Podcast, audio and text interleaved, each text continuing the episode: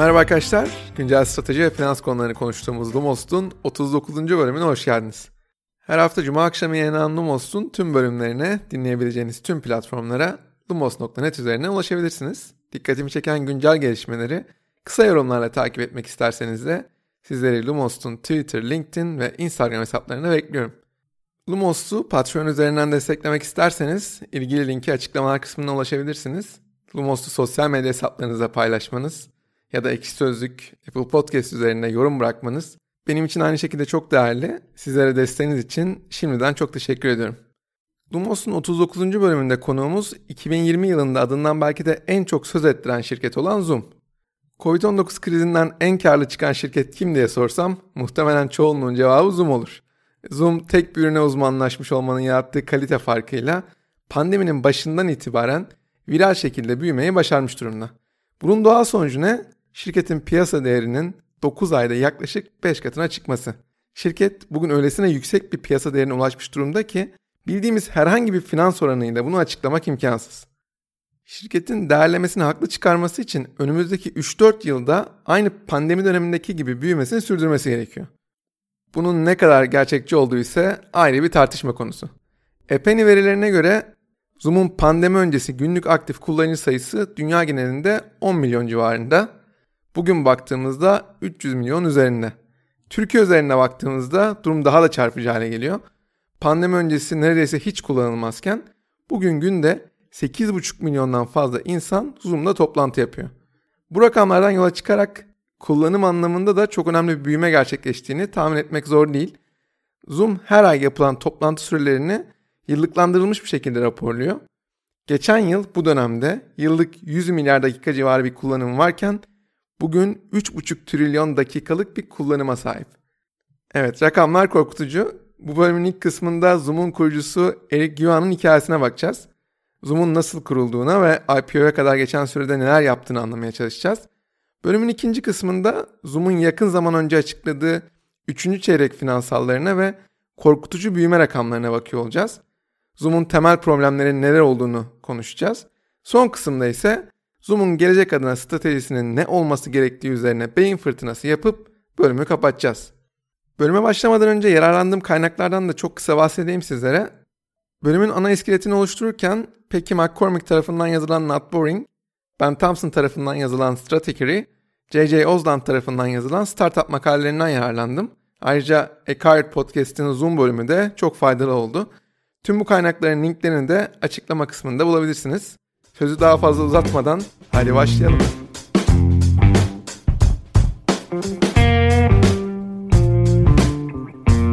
Lumos'ta Çin serisini devam ettiriyormuşçasına Çin'den çıkmış bir girişimcinin hikayesi olacak bu bölümde de.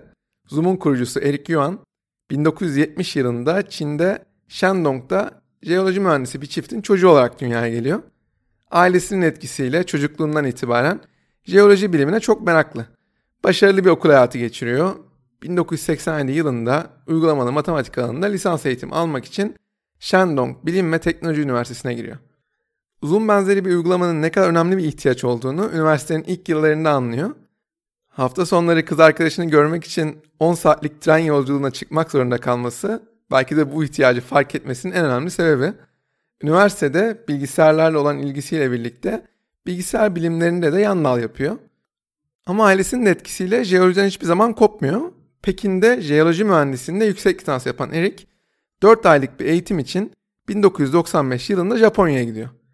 Japonya'da bulunduğu dönemde Bill Gates'in verdiği bir konferansa katılması onun hayatındaki belki de en önemli dönüm noktalarından biri.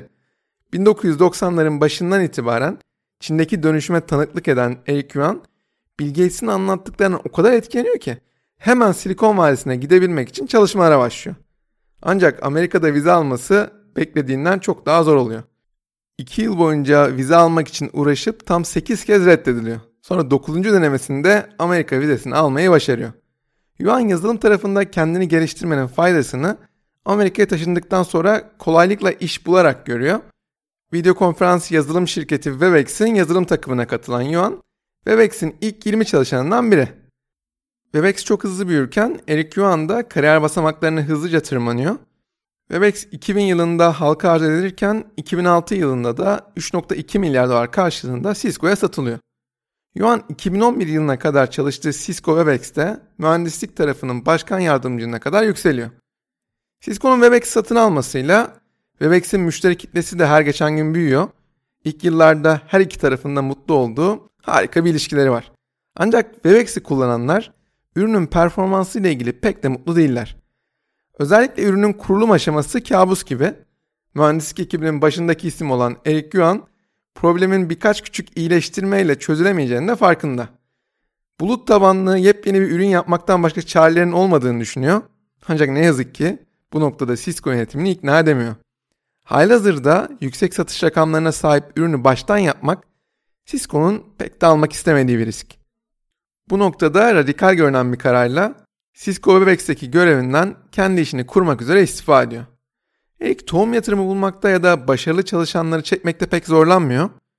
Geçmişte beraber çalıştığı herkes Eric Yuan'ın bir sonraki işine de dahil olmaya çalışıyor. 2011'in Nisan ayında yeni bir görüntülü görüşme uygulaması ortaya çıkarmak üzere Zoom kuruluyor. İlk bakışta video konferans pazarı aşırı doygun. Böyle bir pazarda yeni bir oyuncunun oyuna dahil olması pek kolay değil. Birçok VC'nin Zoom'un ilk günlerinde Zoom içinde benzer bir düşünceye sahip olduğunu görüyoruz zaten. Bu alanda çok fazla oyuncu olsa da Eric Yuan hiçbir ürünün tüketicinin problemini tam olarak çözmediğini biliyor. Santa Clara'daki eski püskü bir ofis binasında çok yoğun şekilde çalışan ekip 2012'nin Ağustos ayında Zoom'u piyasaya sürmeyi başarıyor. Ürün ilk versiyonlarında bile kullanan herkesi memnun etmeyi başarıyor. Zoom'un Webex'in aksine çok kolay şekilde kullanılmaya başlanıyor olması herkesin belki de ilk takdir ettiği özelliği. Ama bundan daha önemlisi sıkıştırma algoritmasının başarısıyla yavaş internet bağlantısında bile belirli bir performans verebiliyor olması. Diğer uygulamalarla görüşme yapmanın mümkün olmadığı durumlarda bile Zoom çalışabiliyor. Ürün başarılı oldukça yatırımlar da gelmeye devam ediyor. 2013'ün Ocak ayında 6 milyon dolar değerleme üzerinden seri A yatırımını alıyor. 2014 Eylül ayında 30 milyon dolar değerleme üzerinden seri V yatırımını alıyor. 2015 Şubat ayında da değerleme 100 milyon dolara çıkıyor. Seri C turundayız artık. 2017 Ocak ayında Sequoia'nın liderliğinde 1 milyar dolar değerleme üzerinden seri D yatırım turunu tamamladıktan sonra artık kimsenin kafasında Zoom ile ilgili bir soru işareti kalmıyor. Bu yatırımlar sonrası büyümesi daha da hızlanan Zoom 2019 yılının Nisan ayında 9.2 milyar dolar değerleme üzerinden halka arz ediliyor. Zoom %80'in üzerinde brüt kar marjı birlikte karlılığa ulaşmış olmasıyla da IPO sonrası büyük ilgi görmeye devam ediyor. Yani Zoom'un yükselişini sadece pandemiye bağlarsak ona haksızlık etmiş oluruz bence. Lumos'un ilk sezonunda sağ şirketlerinin başarısını yıllık büyüme yüzdesiyle EBITDA marjının toplamının %40'tan fazlası olması olarak kabul etmiştik. Zoom çok uzun süredir istikrarlı şekilde bunu başarıyor. Buraya kadar Zoom'un kurucusu Eric Yuan'ın ve Zoom'un kuruluş hikayesini konuştuk. İkinci kısımda Zoom'un yakın zaman önce açıkladığı o üçüncü çeyrek finansallarına ve korkutucu büyüme rakamlarına bakacağız. Zoom'un temel problemlerini anlamaya çalışacağız.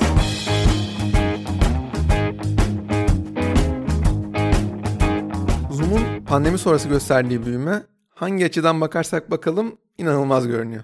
Şirketin 3. çeyrek gelirleri yaklaşık 780 milyon dolar. Bu rakam geçen yılın aynı çeyreğine göre gelirinin 4 kattan fazla arttığını gösteriyor. Benzer performansı ikinci çeyrekte de gösteren Zoom, o başta bahsettiğim 40 kuralını yerle bir etmiş durumda. Ancak hangi finansal orana bakarsak bakalım yaklaşık 120 milyar dolarlık piyasa değeriyle Zoom çok pahalı bir şirket. Fiyatı ürettiği free cash flow'un yaklaşık 112 katı. Yine fiyatı yaptığı satışların 59 katı. Yarattığı karın ise 267 katı. Zoom'un ondan fazla çalışanı olan müşteri sayısı bir önceki yıla göre yaklaşık %500 artmış, 433 bin lira gelmiş. Zoom'un ürünlerine 100 bin dolardan daha fazla para harcayan şirket sayısı da yaklaşık 1300. Bu geçen yıla göre %130'dan fazla büyüme anlamına geliyor. Eric Yuan, Zoom'un IPO'su sırasında yaklaşık 9 milyar dolarlık değerini bile pahalı buluyordu. Şu anki değeri hakkında ne düşündüğünü tahmin etmek zor değil. Bazen şirketlerin bugünkü değerleri pahalı görünse de gelecek adına sahip olduğu potansiyelleri sebebiyle bu değerleri hak ettiği söylenebilir. Ama böyle şirketlerin ortak özelliğine net bir rekabet avantajına sahipler. Lumos bölümlerinde şirketleri analiz ederken sıklıkla rekabet avantajlarının değerleme üzerindeki etkisinden bahsediyoruz zaten. Bu arada Warren Buffett'ın rekabet avantajı yerine moat yani Türkçesi hendek kelimesini kullanmayı tercih ettiğini biliyoruz. Bir şirket yaptığı işin etrafındaki hendeyi büyüttükçe, derinleştirdikçe ve rakipleri için geçilmez hale getirdikçe kendi değerini de arttırıyor. Bu sayede başarısını sürdürülebilir hale getiriyor. Lumos'un 15. bölümünde platform temelli işleri nasıl analiz edebileceğimizi konuşmuştuk. Orada konuştuğumuz başlıkların her biri platform şirketlerinin hendeklerinin ne kadar derin olduğunu anlamamızı sağlıyor aslında. CB Insights'ın hendekleri 4 ana başlık altında toplamayı tercih ettiğini biliyoruz. Bunlar neler? Network etkisi, maliyet avantajı, marka gücü ve sahip olduğu kaynaklar. Network etkisiyle yaratılan modlara Amazon, Facebook gibi platform şirketlerine örnek verebiliriz. Maliyet avantajı üzerinden kurgulanan modları ise switching cost, sunk cost ve low cost olarak düşünebiliriz. Marka gücü üzerine kurgulanan modlar ise daha çok lav marklarda gördüğümüz bir olgu. Coca-Cola örneğine bakıp marka gücünün ne kadar önemli bir hendek olduğunu biliyoruz zaten. Şirketin sahip olduğu kaynaklar üzerine kurgulanan modlar ise patent ya da regülasyon şeklinde düşünülebilir. İlaç, telekomünikasyon gibi sektörlerde bu tarz modları çok daha sık görüyoruz. Bu noktada akıllardaki soru şu. Zoom'u bu perspektiften düşündüğümüzde sahip olduğu net bir rekabet avantajı var mıdır? Burada ilk bakışta Zoom'un çok başarılı bir ürüne sahip olmasından dolayı bunun bir rekabet avantajı olduğu hatasına düşebiliyoruz. Ama Zoom çok kalabalık bir piyasada rekabet ediyor. Rakiplerinin mühendislik gücünü düşündüğümüzde bir noktada rakiplerin Zoom'dan daha iyi bir ürün ortaya koyabilmesi de mümkün. Zoom bir platforma da dönüşmediği için network etkisinden de söz edemiyoruz. Zoom'un patent, lisans gibi sahip olduğu kaynaklarla da yarattığı bir rekabet avantajı söz konusu değil. Geriye sadece Zoom'un marka gücü kalıyor. Pandeminin Zoom'un marka birliğine yaptığı katkı tartışılmaz derecede fazla. Daha önce hiç kullanmayan insanlar bile artık Zoom kullanıyorlar. Ama Zoom'un Coca-Cola ya da Pepsi gibi net bir ayrım yarattığını da söylemek zor. Markaya bir sempati duysanız da rahatlıkla Microsoft Teams, Cisco Webex, Google Meet gibi alternatifleri de kullanıyorsunuz. Zoom'un en büyük problemi ürünü değiştirme maliyetinin olmaması ya da çok düşük olması. Fiyat, performans, güvenlik veya belirleyici herhangi başka bir sebeple bir video konferans ürününe geçmeye karar verirseniz bunu birkaç dakika içinde yapabilmeniz mümkün oluyor. Zoom gördüğü inanılmaz ilgi sebebiyle henüz böyle bir problem yaşamış değil. Hatta pandemi döneminde en iyi, en efektif görüntülü görüşme uygulaması olduğu için binlerce yeni müşteri de kazanmayı başardı. Ama ne kadar iyi bir ürüne sahip olursanız olun, yarın başka biri çıkıp sizden daha iyi bir ürün ortaya koyabilir. Pandeminin başında sadece Zoom'un sahip olduğu kişiselleştirilmiş arka plan görselleri bugün Microsoft Teams'te de var, Google Meet'te de var, Cisco Webex'te de var. Microsoft, Google gibi oyuncular kendilerine ait ürünlerle de platform avantajlarını kullanarak Zoom'u zor durumda bırakabilirler. Bir zamanların en iyi ürünlerine sahip Intel, Dropbox, Skype gibi şirketlerin zaman içinde yaşadıklarını düşündüğümüzde en iyi ürün olmanın yetmediğini görebiliyoruz zaten. Özellikle rekabetteki oyuncuların ürünleri birbirine benzedikçe rekabet fiyata doğru kaymaya başlıyor. Başta Spotify olmak üzere müzik stream servislerinin kendilerini farklılaştırmak için bu kadar uğraşmasının sebebi de bu. Üzerine çok fazla düşünmeden Zoom'un müşterilerini elde tutmak için fiyatları düşürmek zorunda kalacağını tahmin etmek zor değil. Microsoft Teams ve Google Meet gibi para yakmaktan hiç korkmayacak rakiplerinizin olmasını pek de istemezsiniz. Zoom için bir diğer problem ise işin odaklanma tarafında. Ben kişisel olarak Zoom için en büyük tehdidin doğrudan rakiplerinden çok belirli bir alana odaklanan o dikeydeki rakipleri olduğunu düşünüyorum. Zoom büyük bir çoğunluk tarafından kullanıldığı için belirli bir kullanıcı grubuna odaklanma yeteneğini kaybetmiş görünüyor. Görüntülü görüşmeye ihtiyaç duyduğumuz her alanda Zoom belirli bir standardın üstünde performans veriyor. Bunu kabul ediyorum. Ancak hiçbirinde mükemmel bir performansa ulaşamıyorsunuz. Twitter, Zoom'u online eğitim tarafında kullanan kişilerin şikayetleriyle dolu.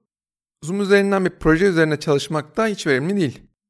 Belirli kullanıcı gruplarının görüntülü görüşme ihtiyaçlarını daha iyi karşılamak için dikeyde uzmanlaşmış ürünler ortaya çıkıyor.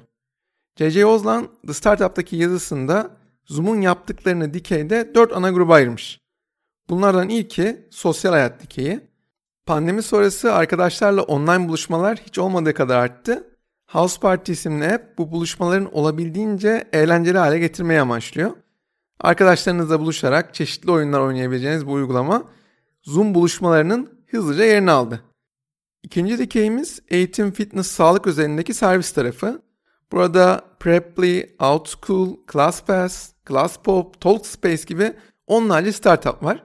Görüntülü görüşme için üçüncü dikey ise webinar, konferans, canlı yayın gibi bir alandaki yapısal problemi çözmeye amaçlıyor. Örneğin Telegram burada daha güvenli görüntülü sohbetler vaat ediyor. Webinarları daha efektif hale getiren Livestream, etkileşimli etkinlikler yapmanıza imkan sağlayan Hopin de yine bu dikeyde sayılabilecek startuplar. Son dikeyimiz ise evden çalışmayı daha verimli hale getirecek iş hayatı dikeyi. Burada da Tandem, Snack, Loom, Focusmate gibi tek bir problemi çözmeye yönelik oyuncular var. Zoom'un inanılmaz büyüme rakamlarına rağmen net bir rekabet avantajının olmadığını gördük. Peki Zoom satın almalar yaparak kendisine bir mod yaratabilir mi? Bu şekilde Zoom'un bugün fazla pahalı görünen değeri kabul edilebilir hale getirilebilir mi? Bölümün üçüncü kısmında Zoom'un gelecek adına stratejisinin ne olması gerektiği üzerine düşüneceğiz beraber.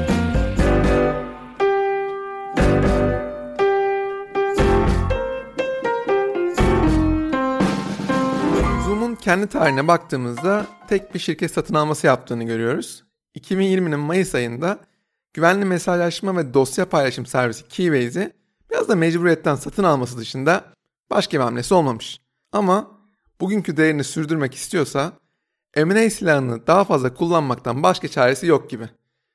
Not Boring isimli newsletter'ın yaratıcısı Peggy McCormick, Zoom'un hangi şirketleri satın alabileceği üzerine çok uzun bir yazı kaleme almış.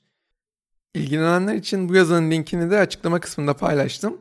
Ben Zoom'un atması gereken ilk adımın Agora satın alması olduğunu düşünüyorum.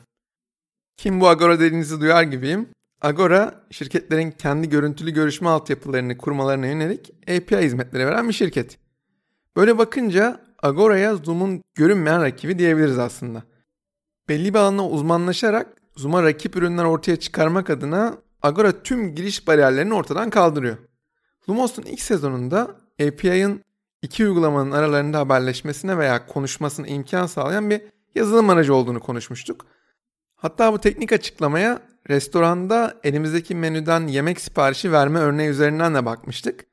Restoranda vereceğimiz siparişi mutfağa iletecek ve yemek hazır olduğunda mutfaktan getirecek bir aracıya ihtiyaç duyduğumuzu, API'ların bize bu konuda yardımcı olan garsonlara benzediğini söylemiştik. API'ler yalnızca gerekli olan bilgiyi paketler halinde alıyor, iletiyor ve işlenmek üzere geri getiriyor.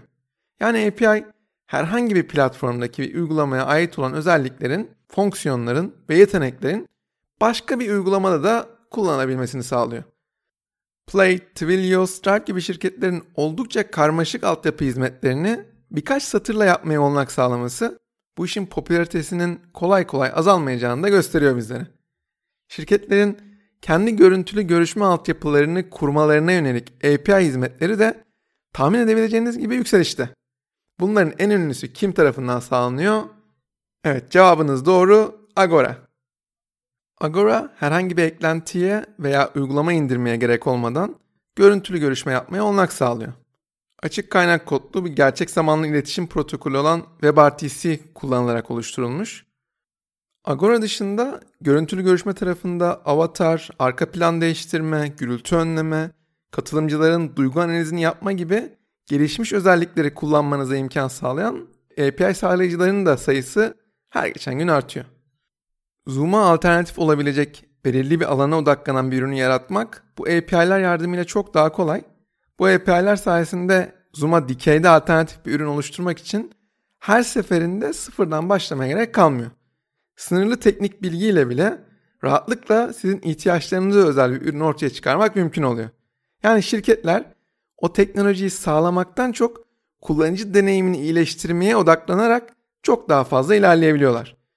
Zoom Agora satın almasıyla kendisi için çok büyük bir tehdidi ortadan kaldırıp bir platforma dönüşebilme şansına sahip olacak. İkinci olarak Zoom'un iş hayatındaki üretkenliği arttıracak, çapraz satış ve bundle fırsatlarının olduğu şirketlere yatırım yapması gerektiğine inanıyorum ben. İster küçük bir startup olsun, isterse de çok büyük bir şirket olsun, üretkenliği arttırmak en önemli önceliklerden biri. Pandeminin de etkisiyle verimlilik uygulamalarının popülaritesinin daha da arttığını görüyoruz. Tabi üretkenliği arttırmak için kullanan araç sayısı arttıkça üretkenlik düşmesi gibi saçma bir durumda söz konusu. Zoom'un rakiplerine göre en büyük avantajı ne? Fazlasıyla pratik olması.